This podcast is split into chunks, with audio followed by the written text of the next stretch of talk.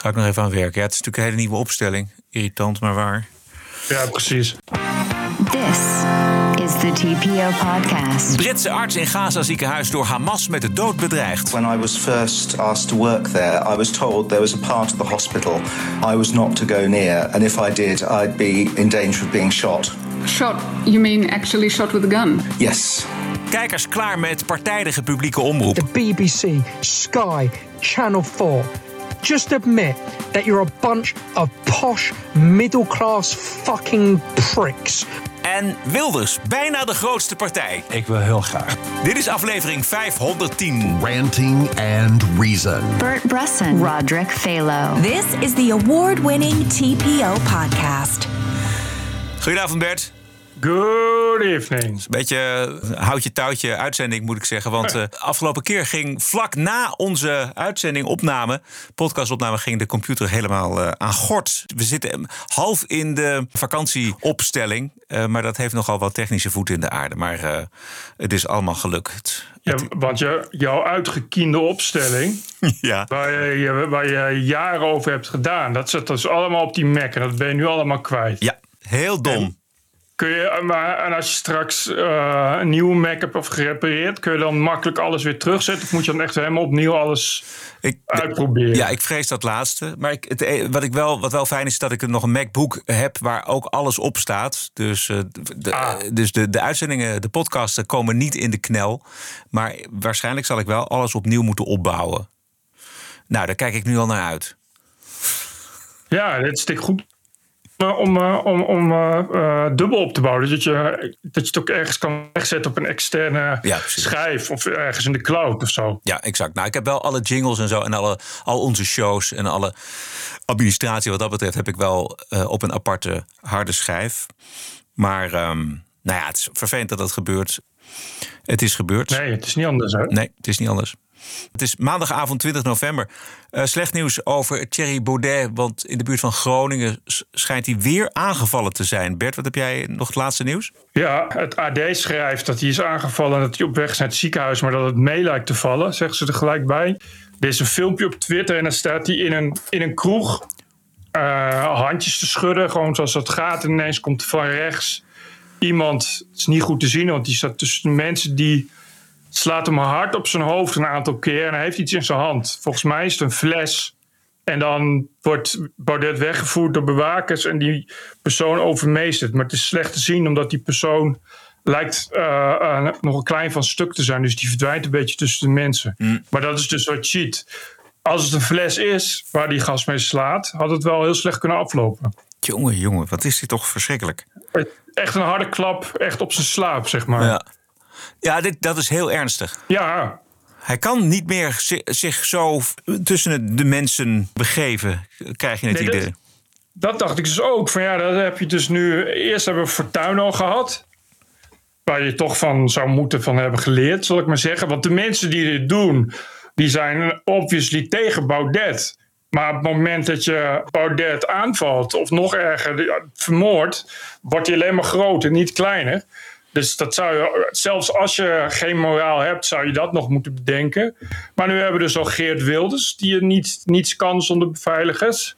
En Baudet dus ook, want hij had beveiligers. Je ziet op dat filmpje ook dat die persoon wordt meteen gepakt en Baudet wordt meteen afgevoerd. Maar ja, die beveiligers die staan net een paar meter weg. Ja. Dus voortaan kan Baudet alleen nog maar, net als Wilders, echt alleen nog maar eh, omringd door, door, eh, door dat soort lui zijn werk doen. Ja. Het zijn al hele exceptionele verkiezingen, maar eh, dit moet niet verder uit de hand lopen. Nee, dit is wel ook ja, twee keer een korte tijd natuurlijk. Ja, precies. We houden de boel in de gaten tijdens deze maandagavond eh, sessie van de TPO-podcast. Het is eh, dus, wat- zoals gezegd, 20 november. Het is ook de dag dat Argentinië wakker wordt met een nieuwe president. En zijn naam is Javier Milei. ¡Zurdos, hijos de puta, tiemblen! ¡La libertad avanza! ¡Viva la! Ja, linkse klootzakken, zegt hij. Wees maar bang. De vrijheid komt eraan. Lang leven de vrijheid. Verdomme. Vamos, let's go. Laten we Dit gaan. Het mooie van dit soort lui. Zelfs als je geen Spaans verstaat, weet je nog ongeveer waar het over gaat. En hij, ja, ja, het is niet zo heel raar, want hij heeft eh, Argentinië wordt voorspeld dat het eh, eh, eind van het jaar een inflatiepercentage heeft van 180 procent. Ja. En dat is al ongeveer 20 jaar is het al een probleem. En al 20 jaar wordt Argentinië geregeerd door eh, linkse peronisten of, of links-midden. En wat deze, ja, laten we zeggen, Argentijnse Trump heeft gedaan, is van het hele inflatieverhaal, ja, de schuld geven aan links. Nou, dat gaat er natuurlijk in als koek bij ja. mensen die na 20 jaar wel echt alles zat zijn. En hij heeft zich ook geprofileerd als iemand die met een kettingzaag inderdaad. Ja. Ik zag vandaag ook een filmpje van hem dat hij allemaal stickers op een bord, dat zijn alle ministeries, waarvan er Argentinië heel veel heeft, die gaat hij allemaal bezuinigen en zo. En het is een econoom. Het is een, eh, wel een hooggestudeerd iemand die, laten we zeggen, verstand heeft van wat hij beweert. Eh, en dat is ook een beetje de drijvende kracht. Dat heel veel mensen zeggen, ja, we kunnen er niet op verliezen. Ja, Want ja, ja, laten, we nu, laten we nu de kans geven aan, aan iemand die in elk geval echt verstand heeft van de economie. Hij is in ieder geval is hij anti-woke. Hij is anti-socialisme. Dus inderdaad een Ja. vrije arm markteconoom. Hij is pro-wapens. Dat is niet zo heel raar in eh, dat enorme land. Eh, pro-familie is hij ook. Dus eh, conservatief. Pro-onderwijs. Ja. Pro-dollar. En Ja. hij, hij wil inderdaad die, die Argentijnse peso wil hij gewoon afschaffen. En hij wil daarvoor in de plaats eh, van de dollar de nationale munt maken. En dat is ook al een keer eerder geprobeerd. Daartoe hebben ze gewoon de peso aan de dollar gekoppeld. Maar dat is toch ook niet een wondermiddel, een, een paardenmiddel om die inflatie te beteugelen. Maar goed, hij, gaat, hij heeft het beloofd, hij gaat het proberen. Spectaculaire eindsprint van Geert Wilders in de laatste dagen. PVV gelijk met de VVD als grootste partij. Volgens eh, Maries de Hond allebei 26 zetels. En op een gedeelde tweede plaats staat Omtzigt en Timmermans, allebei 23 zetels. D66 8, BBB 7, CDA 6. Ja, de grote vraag is natuurlijk, waar komt dat vandaan? Eigenlijk die hele rechterflank, die zie je inleveren. Bij Omtzigt gaan er vijf af. Ja, Wilders krijgt er vijf bij. BBB verliest er twee, vergeleken met de vorige peiling. VVD verliest er één, vergeleken met de vorige peiling. En ook GroenLinks verliest er één, maar die zullen niet naar Wilders gaan. Ja, er is dus nog best wel een, een, een segment kiezers... dat eh, elke keuze nog kan maken. heel veel. Ik las bijna 70% is Ja. nog zwevende kiezer. Eh, en er moet bijgezegd worden dat Maurice de Hond de vorige keer vijf zetels mis zat bij Wilders. Dus daar zit een, eh, een flinke foutmarge. Maar tegelijkertijd is het niet raar om te denken dat Wilders zo niet de grootste, dan wel eh, gedeelde grootste eh, uit de bus komt. Hoe dan ook gaan alle zetels naar rechts, lijkt het. Eh Maurice de Hond zegt zelf dat het komt door het afgelopen SBS-debat. Ja. Ik denk dat bijvoorbeeld, zoals afgelopen weekend in Rotterdam, zo'n pro-Palestina-bijeenkomst. Dat veel zwevende kiezers dan uiteindelijk dan maar voor Wilders kiezen. Dat het Wilders uiteindelijk het, beste, het meeste zetels oplevert. Dat zou kunnen. Maurice de Hond die zegt vandaag op Radio 1 dat de, de vier partijen bovenaan nog eigenlijk allemaal de grootste kunnen worden. Alle vier kunnen nog de grootste worden. Ehm, denk maar even in je denken dat ze allemaal rond de 25 zetels zijn, staan. Ja, 26, 26, 23, 23 kan ook Drie ongeveer. zetels in peilingen in dit stadium betekent niks, Ja, toch? maar en ik, vanavond komt een INO. Nou, Ja. ik kondig aan. Ook daar gaat de PVV vijf zetels omhoog. Ja? Jij komt morgen nog met Ja, morgenmiddag kom ik nog, want ik wil weten wat de, wat de effecten nu zijn. Ja, het is ongelooflijk spannend. Hè? Vier partijen die dingen om de, om de grootste partij en dus om het premierschap. Ja, als Wilders de grootste wordt, wordt het wel heel lastig. Uh, want ik begrijp dat Jesselgus nu toch langzaamaan aan het signaleren is dat ze toch liever niet met de PVV wil samenwerken. Ja. En van Omtzigt was dat al bekend. Ja. Maar als, als PVV de grootste wordt en, en echt de grootste, dus zeg 26 zetels in de VVD en alles eh 25 of minder, dan mag de grootste partij normaal gesproken de premier leveren. Ja, kijk, als je de grootste bent, moet je nog wel natuurlijk om een premier te leveren in dat kabinet plaatsnemen. Exact. Dus de eerste horde is, eh, stel dat eh, Wilders de grootste wordt, eh, eh, hoe ga je dan Wilders buiten het kabinet houden? Dat, Ja, eh, precies. Numeriek kan dat natuurlijk wel. Maar ja, fraai is het natuurlijk niet. Ja, numeriek kan alles. Ja. Je kan eh, net zo goed een, een regenboogpartij met alle partijen. eh, als je maar genoeg. Weet je, als iedereen Wilders de buiten wil houden, dan kan dat zelfs als hij 50 zetels heeft. Maar, maar dat kost je wel je politieke carrière en je politieke geloofwaardigheid. Kijk, als je, kan niet om de grootste partij heen. het zou heel bijzonder zijn. Ik ben benieuwd wat het eh, eindredactioneel van het NSC wordt. De dag voordat Wilders premier wordt. Ja. Ja, wat je ook nu ziet in die later was een, dat best wel een schok was dat dat eh, Maurice de Hond, wanneer was het gisteren, Wilders ook als grootste partij neerzetten naast de VVD dus met die 26 zetels en en wat je wat we de afgelopen eh, campagne natuurlijk hebben gezien is dat Wilders wel gedoogd werd in de debatten. Wilders was erg sterk bij bij SBS, maar nu hij de grootste dreigt te worden is het opeens weer ouderwets paniek op links en Ja. hebben de Jetters en de Elemates die hebben het weer over het bruine gevaar. Dit is Rob Jetten in het bad bij Omroep Brabant. En daarom heeft u als kiezer ook de keuze om zo'n extreemrechtskabinet te stoppen... door te kiezen voor politiek vanuit het midden en progressieve... Het spijt me, ik laat me niet extreem rechts noemen. U bent, voor- u bent Dat voor een asiel, We gaan tegen de islam, tegen Europa, tegen het klimaat. Extreem rechts. Ja, het label, de sticker extreem rechts moet er weer op. Het allerergste is dat Jette nu eigenlijk zegt: stem niet op Wilders, maar stem op D66. En een stem op D66 is een verloren stem, dat weet iedereen. Als mensen eh, nu gaan stemmen strategisch van, van ofwel Wilders ofwel PvdA, dat D66 nog kleiner wordt dan in de peilingen voorspeld. Dat kon wel eens echt, echt drie of vier zetels uitkomen. Ja, ja, zeker. Want dat, heb- dat effect hebben we gezien natuurlijk toen de VVD Rutte tegenover Diederik Samson eh, de verkiezingen de laatste ronde inging. Dat, toen werden beide partijen ook enorm groot. Dat, is dan, dat, dat mensen gaan dan inderdaad, wat jij zegt, eh, strategisch stemmen. En dat gaat natuurlijk bij links voorkomen ten koste van eh, bijvoorbeeld de SP, maar zeker ook D66. Ja. Precies. SP en D66 gaan echt de grootste verliezers van deze verkiezingen worden. Klaver ook nerveus hoor. Om ervoor te zorgen dat we niet straks Geert Wilders 1 krijgen. of een voortzetting van Rutte 1. Met Dylan Jezilkes als premier, maar met Geert Wilders ook in datzelfde kabinet. Nu komt het erop aan.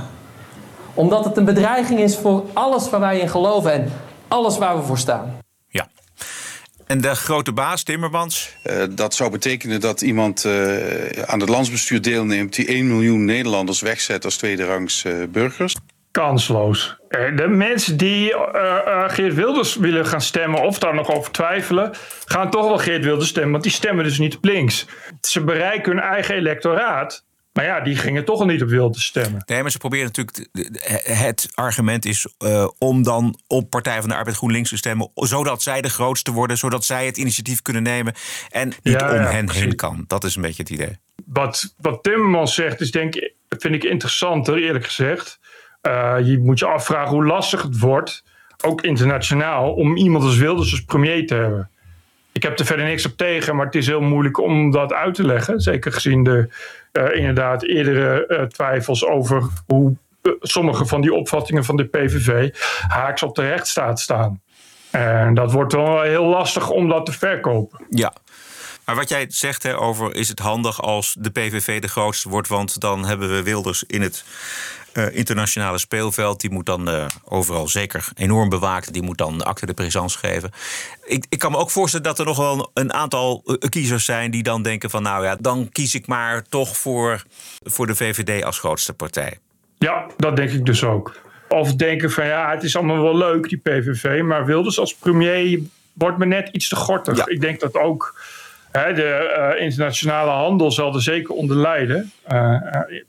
Je wilt denk ik ook geen diplomaat zijn in pak een beet eh, Saudi-Arabië of Iran. En dan eh, moeten gaan uitleggen dat dit je premier is. Uh, en ik denk dat er veel mensen zijn die daardoor toch uiteindelijk inderdaad dan maar uh, VVD gaan stemmen. Dus het wordt ja, super, spannend. Ja. bloedstollend spannend, Ja, denk bloedstollend, ja, inderdaad. Even over ehm, Timmermans. Want eh, de historica Danielle Hooghiemstra... die eh, sneed dit weekend nog wel een goed punt aan... betreffende Frans Timmermans. Eh, hij reisde namelijk eerder naar Malaga... om steun te betuigen aan de omstreden linkse Spaanse socialistische leider Pedro Sánchez... eh, die nu de premier dreigt te worden... om een regering te vormen met steun van de Catalanen. En hij zal dus, dat weet jij ook, eh, amnestie verlenen aan 100 separatisten. die deels gevangen zitten wegens eh, het ongrondwettelijke referendum. Daar wordt al enige tijd enorm tegen gedemonstreerd in Madrid. Tegen dat pardon wordt al dagen gedemonstreerd. En het lijkt erop dat het eh, pardon zelf ook ongrondwettelijk is. Zeker omdat het gebruikt wordt in een soort van koehandel om tot een regering te komen. Klopt. Timmermans die zat zondag weer in Buitenhof. Nou, daar komen er dan helemaal geen vragen over. Terwijl hij. ja. En dat is eerder gebeurd, want eh, Timmermans heeft ook de omstreden sociaaldemocraten in Malta omarmd. Die Jozef Muscat, misschien kun je dat nog herinneren. Die is mogelijk betrokken bij de moord op die Maltese journaliste Daphne Galizia. En die Muscat die heeft zich eh, met hand en tand verzet tegen een onafhankelijk onderzoek naar de moord. Die journaliste die zat achter een grote corruptiezaak aan waar die Maltese Partij van de Arbeid bij betrokken lijkt. En zij werd in haar auto opgeblazen. En onderzoek waar de Nederlander Pieter Omtzigt is op blijven aandringen, heeft die Muscat voortdurend tegengewerkt. Dit is Omtzigt daarover in 2020. Op 1 mei van dit jaar heeft Frans Timmermans, eh, omdat hij zelf graag natuurlijk de verkiezingen wilde winnen, eh, is hij naar Malta geweest, heeft daar een grote rally toegesproken met Muscat, heeft hem ook geprezen voor zijn beleid op het gebied van eh, onder andere LHBTI-rechten en eh, moderne zijnzaken. En heeft niks gezegd over de problemen van de rechtsstaat die toen al enorm duidelijk waren. Kijk, Timmermans gaat zeker die rechtsstaat gebruiken om Wilders nogmaals eh, te attackeren. En niet helemaal onterecht natuurlijk. Maar goed, ik, ik verwacht dan toch eigenlijk ook van journalisten dat ze hem ook aanspreken Precies. op deze twee zaken. Ja, dat is toch de hele tijd een gemis. En zelfs bij een programma als Buitenhof. Kijk, bij een programma als op één weet je dat het niet wordt gevraagd omdat ze het per se gezellig willen houden en zo. Eh, maar bij Buitenhof zou je toch verwachten dat daar dat soort vragen worden gesteld. Ja. Ja. Ik zag, uh, Juri Albrecht twitterde net ook over Wilders. Van ja, waarom, waarom wordt die vraag niet gesteld hoe het zit met Wilders en steun voor Poetin? Die was altijd vrij duidelijk. Sinds, sinds de inval in Oekraïne een stuk minder duidelijk. Ja, wil je toch nu, iemand die misschien ook wel premier wordt, toch graag weten. Ja, zeker. Is dat nog steeds je grote vriend? Niemand die het vraagt. Ja. Raar toch? Dan Ja, toch heel raar. Ja, overigens is het te hopen voor de Nederlandse economie en iedereen die daarin werkzaam is. Eh, dat de belastingplannen van Partij van de Arbeid GroenLinks niet in een coalitie terechtkomen. Want eh, dit is macro-econoom Bas Jacobs bij BNR van de week. Onder meer over de vennootschapsbelasting VPB. Bij GroenLinks PvdA willen ze het VPB-tarief verhogen naar 30% Dan willen ze daarnaast ook nog het tarief in box 3 naar 49% En dan willen ze daar ook nog een vermogensbelasting die oploopt naar 5% van het vermogen. Eh, eh, voor vermogens boven 5 miljoen. Nou, als je daar sommetjes op gaat doen, dan kom je zelfs onder hele gunstige condities op effectieve marginale tarieven van 90% minimaal. En dat kan oplopen tot ver boven de 100%. En op dat moment mensen- weet je zeker dat die opbrengsten die het CPB inboekt niet gerealiseerd zullen worden. Dat heel veel mensen naar het buitenland gaan met hun onderneming en met hun geld. En dat we dat geld kwijt zijn. En ik vind het kwalijk. Niet dat die, dat die partijen dit voorstellen, maar het CPB niet een, met een hele grote rode pen hier doorheen gaat. Want dit kan niet. En Bas Jacobs, ik ken hem, dat is geen rechtse econoom. Wel een realist. Ze, absoluut, ja. En die zegt gewoon, dit, dit soort voorstellen, belastingvoorstellen... is gewoon totaal gekke werk. En dat kan helemaal niet. Nou ja, je hebt het mooi gezegd. Een soort linkse luchtfietserij. Dat je dan maar geld gaat halen bij bedrijven die het goed doen. Maar daar is een, een reden waarom Rutte altijd zo zuinig is geweest met het, met het ophogen van de vennootschapsbelasting. Is eh, omdat mensen die zijn de hele tijd aan het zeuren dat bedrijven in Panama Papers terechtkomen. Of een bedrijf onderbrengen in Malta of op Monaco. En- Maar ja, als je dit soort tarieven gaat heffen, dan gaat iedereen die een beetje winst en dan echt een paar duizend euro al in je PV, ga je naar het buitenland. Wat echt in principe heel makkelijk is, maar ik denk dat voor heel veel bedrijven geldt, ja, je, het kost meer moeite dan het oplevert. Maar dit, is, dit klinkt meer als diefstal. Je wordt dan gewoon als bedrijf. je- waarom zou je nog winst maken als je 90% moet afdragen? Ja, en het gaat niet alleen om de, om de grote bedrijven. Het gaat sowieso om het hele klimaat, de sfeer die je voelt als ondernemer. Van ja, dit is hier, het ondernemen wordt bestraft hier. Hè, winst, winst maken, dat mag niet. Ik mag niet investeren. Goed, dit is dus eh, absoluut verkeerd. Naast de TPO-podcast op dinsdag zijn we er ook op vrijdag. Langer, uitgebreider en met leuke extra's, zoals de legendarische Woke-week. This cancel culture is gonna end, end, end. Dat is nou een goed begin van je weekend. Alle vrijdagshows erbij voor nog geen 4 euro per maand. En je ondersteunt ons. Reclamevrij en 100% onafhankelijke opheldering over het nieuws en de nieuwsmedia. Keep the show running. Word vrijdag abonnee en ga naar tpopodcast.nl. Thank you. Hartelijk dank alvast. Vanavond een groot aantal raketten richting Tel Aviv. Hamas is eh, de afzender van de raketten. Beelden deze week uit het Al-Shifa eh, ziekenhuis en de omgeving in Gaza. Het eh, IDF heeft online gezet bewakingscamerabeelden dat er Israëlische gijzelaars naar binnen worden gebracht en Oh met medeweten van het medisch personeel. Ergens een verblijfplaats krijgen die mensen. Eh, met andere woorden, medisch personeel was op de hoogte eh, ervan dat het ziekenhuis een onderkomen was eh, van gijzelaars. En vlak in de buurt van het ziekenhuis 50 meter tunnel gevonden door het Israëlische leger. Juist. Wat vond jij van die beelden? Ja, schokkend, eh, maar niet onverwacht. Ik heb eigenlijk eerlijk gezegd niet echt getwijfeld over dat, dat, dat Israël die informatie juist was, die intel. Ik denk dat het even gaat duren voordat die volle omvang duidelijk wordt. Maar het is goed dat we nu ook al die tunnel hebben gezien. Ja, exact. Die tunnels die zijn er gewoon, weet je. Ja, dat daar niet geen atoombommen liggen eh, of raketten. Dat, weet je, de, die Hamas heeft ruim de tijd gehad om daar weg te gaan. Maar ze zijn er dus gewoon. Ja. Ik zag een heel interessant gesprek op de Franse nieuwszender France 24. Een journaliste in gesprek met een Britse arts die gewerkt heeft in dat Al-Shifa ziekenhuis. The main point was when I was first asked to work there, I was told there was a part of the hospital I was not to go near, and if I did, I'd be in danger of being shot. Shot, you mean actually shot with a gun? Yes. Was it explained to you why that was? No, but implicit was that it was being used for non medical purposes. And did you see anything non medical, or did you obey the instruction and stay away? I stayed away, but I saw a few sort of dodgy looking non medical characters going in and out all the time. It was a ward leading to a basement. As I say, I didn't go there, so uh, I behaved myself. They would say there could be many other reasons that you would be told not to go to a particular area of a hospital. It's not unusual. Well, I was I was welcome everywhere else, and as I say, the doctors and nurses there were very welcoming and very kind, and the hushed tones under which this was said was consistent with all the other hushed tones about which Hamas was discussed. You know, people were genuinely fearful. I cannot emphasize too much the air of collective paranoia that existed there. He did go on to say that if they were 10% frightened of um, a possible Israeli airstrike, they were 90% frightened of getting onto the wrong side of Hamas. He really did describe an at- atmosphere of, of fear uh, in the Gaza Strip generally, but in the hospital as well. Een atmosfeer van angst. Ja. Voor Hamas.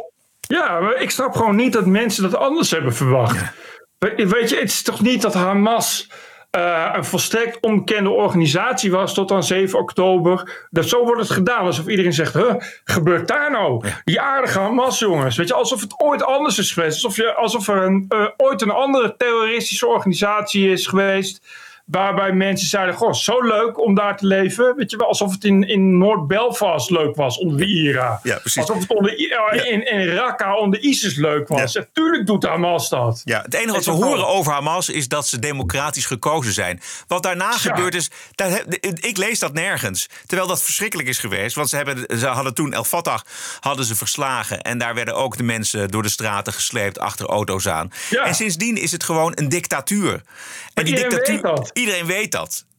Weet je, worden, iedereen weet dat er eh, rijen mensen zijn gemarteld en geëxecuteerd. puur en alleen omdat ze zich niet voldoende achter Hamas opstelden. Weet je, iedereen weet wat er gaande is. Er zijn ook nu zijn er beelden. Eh, weet je, die, die, en die worden dan geframed. Dan worden dan natuurlijk geframed. Maar je ziet gewoon hoe mensen die op de vlucht zijn, niet op de vlucht kunnen. Omdat er, omdat er Hamas-lui op ze schieten en weet ik veel wat.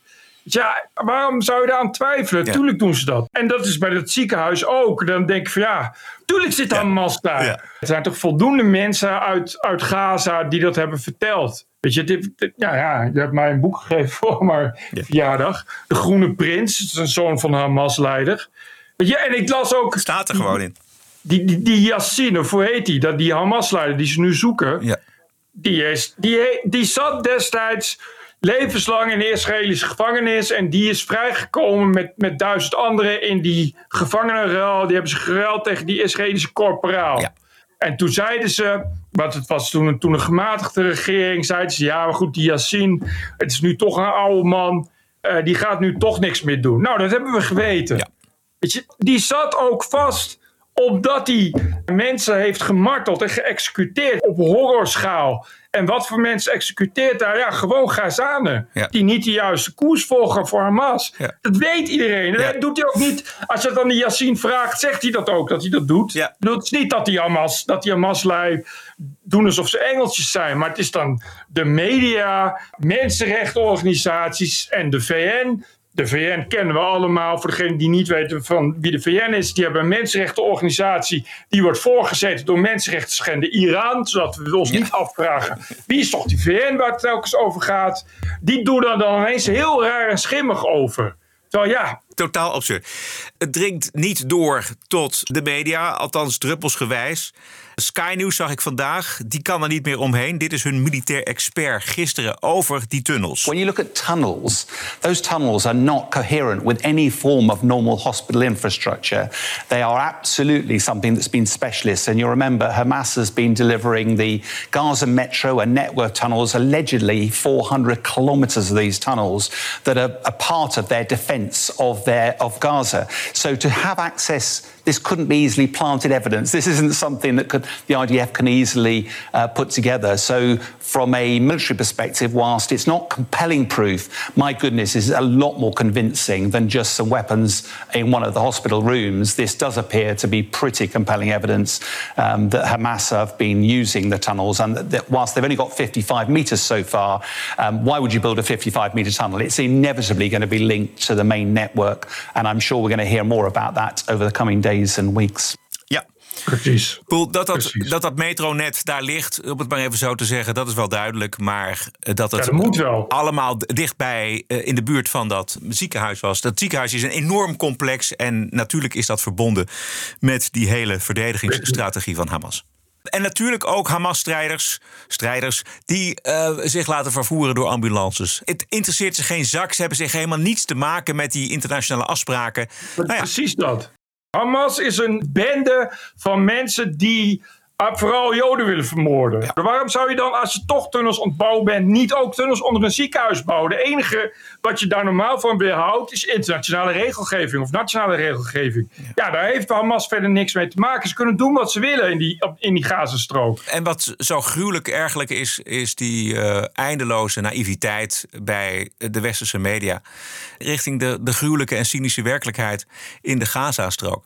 Jij kwam met een, met een prachtig mooi filmpje aan van Lee Kern. En Lee Kern is een Britse schrijver en komiek. Hij heeft eh, eh, televisieseries gemaakt, onder andere met Sacha Cohen. Die kennen we natuurlijk als Ali G. My name be Ali G and me represent the UK. UK. Lee Kern die heeft een Substack-account en die zit ook op Twitter. En zijn hele rant duurt ruim zes minuten. Maar dit is de kern in drie minuten. I've seen some of the footage now released by Israel of terrorists taking hostages into the Al Shifa hospital in Gaza.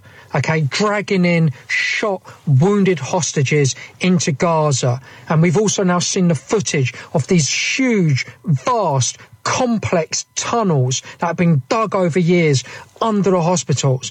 Now, first things first, there is no fucking way on earth that any of these international aid organizations in Gaza did not know about this hospital being used as a terror base for years. It's utterly impossible. They're all on the payroll. They're infiltrated by Hamas. These organizations like UNRWA and the Red Cross, they're fucking Hamas. They know they're fake ass bullshit scum who are part of this terrorist infrastructure.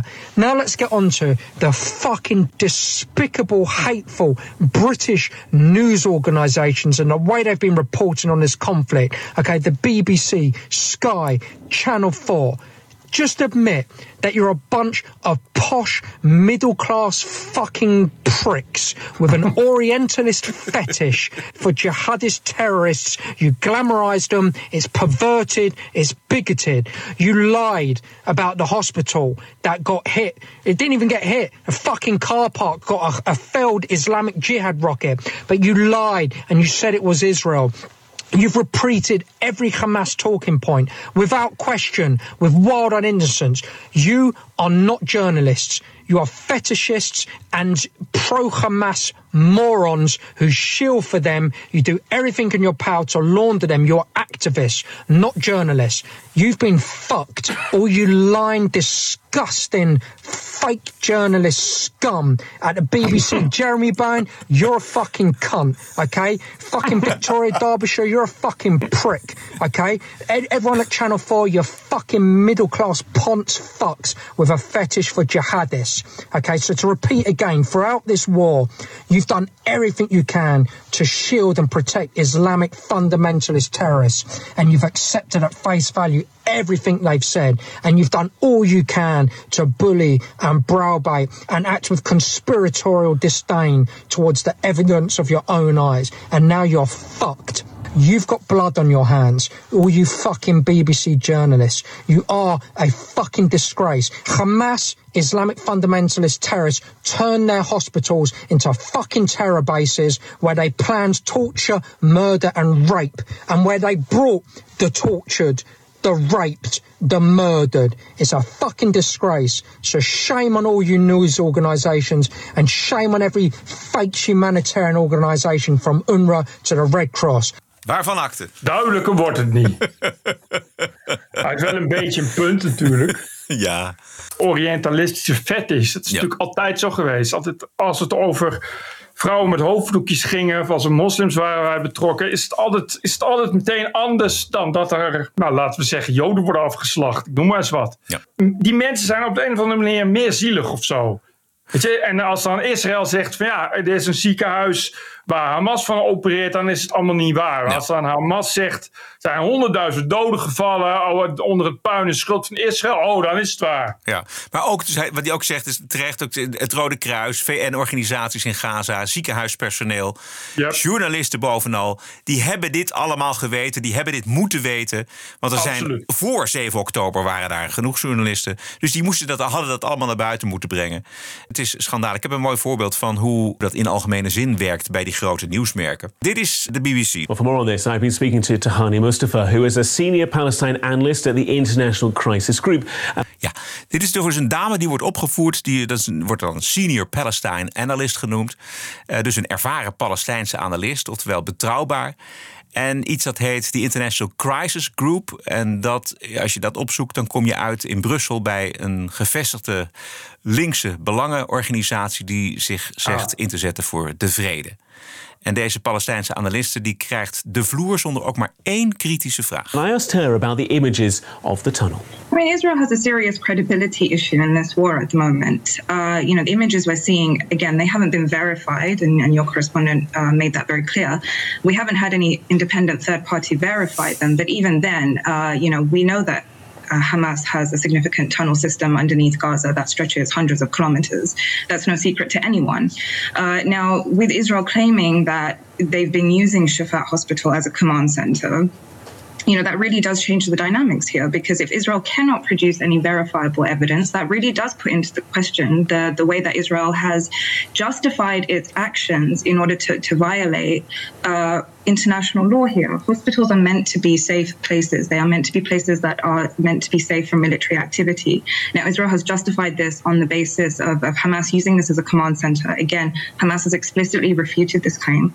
Ongelooflijk. Ze draait het helemaal om. Ze zegt, ze- de Israëli's zoeken nu naar bewijs... wat ze niet kunnen vinden, want dat weten we allemaal niet... om te rechtvaardigen dat ze die ziekenhuis gebombardeerd hebben. Ja, zo gaat het. Wat een trut. Kijk, en dat zij dat zegt en dat het haar analyse is... nou ja, dat, dat, dat zal wel zo zijn.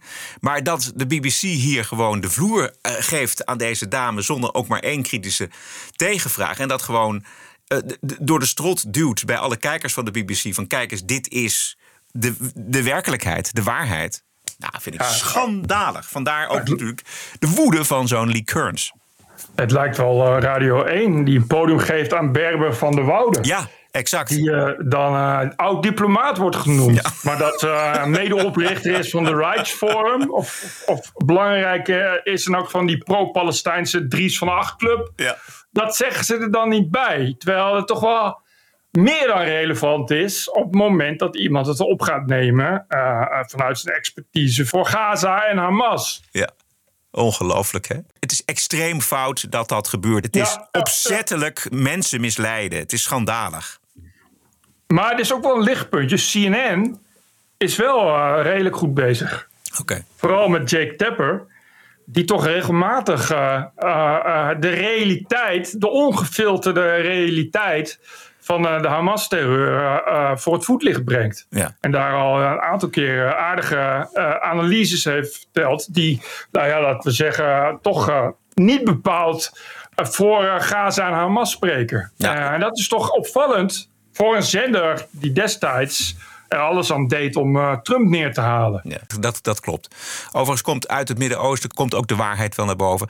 Eh, de kroonprins en minister-president van Bahrein... die combineren die functies heel makkelijk daar... eh, die, voor een zaal met Arabische leiders. Hij veroordeelt Hamas zonder reserve. I condemn Hamas unequivocally. This is so everybody in the room can understand that I stand on the side of civilians and innocents and not on the side of political posturing. The attacks on October 7th were barbaric, were, um, how can I put it? They were horrific. They used, they were indiscriminate. They killed women, children, elderly, did not matter. They hit civilian institutions and they hit military targets. And on top of that, it seems it's okay now to grab hostages and take them away and speak about it as if it's an act of war. That is something that we condemn. Ja, opvallend toch? Ja, dat moet je ook maar durven in het Midden-Oosten. Zoiets hardop zeggen. Natuurlijk ook relaties met eh zijn Ja. Golfstaatjes, dus wat dat betreft. Ja.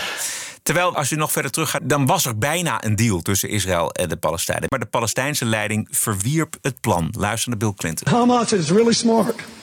When they decide to rocket Israel, they insinuate themselves in the hospitals, in the schools, in the highly populous areas, and they are smart. So they try. So they wait, wait, wait.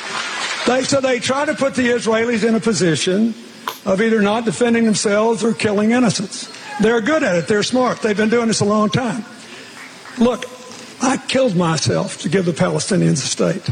I had a deal they turned down that would have given them all of Gaza. Wait, wait. All of Gaza, between 96 and 97 percent of the West Bank, compensating land in Israel. You name it. Tja. Hamas is een religieuze organisatie. Gaat hen helemaal niet om een Palestijnse staat. Ja, in plaats van Israël. Maar niet geen twee-staten-oplossing. Dat kun je helemaal niet bespreken met die mensen. Nee, jarenlang heeft Israël gedacht dat Hamas toch aan het matigen was. Ja. Dat, het toch, dat ze nou toch echt iets voor de Palestijnse burgers deden. Dat ze echt uit waren op, op normale omgang. Ja, dat gaat nu niemand ooit meer denken. En dat is precies wat Hamas wil, dat niemand dat ooit nog denkt. Het moorden en het offeren en het geweld staat gewoon bovenaan. Dat is hun levensdoel. Ja. En daar kan nu niemand ooit nog over twijfelen. Dus nu nog komen met we moeten weer praten en we moeten het over vrede hebben is totaal absurd. Het enige wat Israël kan doen is nu Hamas veel mogelijk uitroeien. Dat is het enige. Het enige wat er over is. Ja, ja. En daar hebben ze zelf om gevraagd, laten we eerlijk zijn. Juist. Heb nog één dingetje. Er was nog een mooi voetbalmoment. Israël speelde tegen Polen en de UEFA had geen toestemming gegeven voor een minuut stilte voor de Israëlische gijzelaars. Dus werd er op tijd gefloten voor het begin van de wedstrijd. Maar bij de ploegen die speelden helemaal niet die eerste minuut van de wedstrijd. Ze stonden gewoon stil. cool. Zo cool was dat. Ze staan gewoon te wachten en na te denken. En stil bij de meer dan 240 gijzelaars. En daarna begon gewoon de wedstrijd. Zo hoort het. Nou, dit was de laatste podcast voor de verkiezingen. Misschien leven we in een hele nieuwe wereld. Nou, benieuwd. ja, dat zou, zou zomaar, zomaar kunnen. Toch is het, eh, is het mooi. Feest van de democratie, zo voel ik het wel. Er zijn mensen die zich al heel erg druk maken over die mogelijke uitslag. Maar ik vind het gewoon mooi. Weet je, het- mensen kiezen. En in een regering moet die keuze gereflecteerd zijn. Zoveel mogelijk. In Gaza kunnen ze niet kiezen. dus Precies. Wil je te graag nog eventjes wijzen op onze petje af? Want we hebben nog maar, Bert, nog maar 162 petjes te gaan. 162? Ja, voor ons eerste grote doel, namelijk eh, 3000 abonnees voor de vrijdag. Dus ja, eh, vandaag luisteren, denk, wat denk ik, 20, 25.000 mensen. Dus daar moeten toch nog 128 petjes, wat zeg ik, 168 petjes tussen zitten. Dat moet lukken. dus. Dat lijkt mij haast wel. Ga naar tpopodcast.nl. En daar word je onmiddellijk eh, vanzelf doorverwezen naar de petje afpagina van ons. En dan kun je kiezen uit bijvoorbeeld een maand. Of je kunt twee maanden eh, gewoon even om te kijken of, of je het wat vindt. En sommige mensen, de meeste eigenlijk, die nemen gewoon meteen een heel jaar abonnement. En het is allemaal bijna voor niks. tpopodcast.nl dus. Veel dank. Stay cool. En tot vrijdag. TPO Podcast. Bert Bruson, Roderick Balo, Ranting and Reason. Ik doe dit niet voor mezelf. Ik wil het voor mezelf. Als ik, als ik het voor mezelf zou kiezen, was ik wel in Brussel eh, gebleven. Ik doe het voor mijn kinderen, voor mijn kleinkinderen, voor mezelf. Podcasting is the TPO podcast in the Netherlands. Bert and Roderick. What a show. I'm telling you. Naast de TPO-podcast op dinsdag zijn we er ook op vrijdag. Langer, uitgebreider en met leuke extra's, zoals de legendarische Wokweek. This cancel culture is gonna end. End. Dat is nou een goed begin van je weekend. Alle vrijdagshows erbij voor nog geen 4 euro per maand. En je ondersteunt ons. Reclamevrij en 100% onafhankelijke opheldering over het nieuws en de nieuwsmedia. Keep the show running. Word vrijdag abonnee en ga naar tpopodcast.nl. Melden! Let's do it.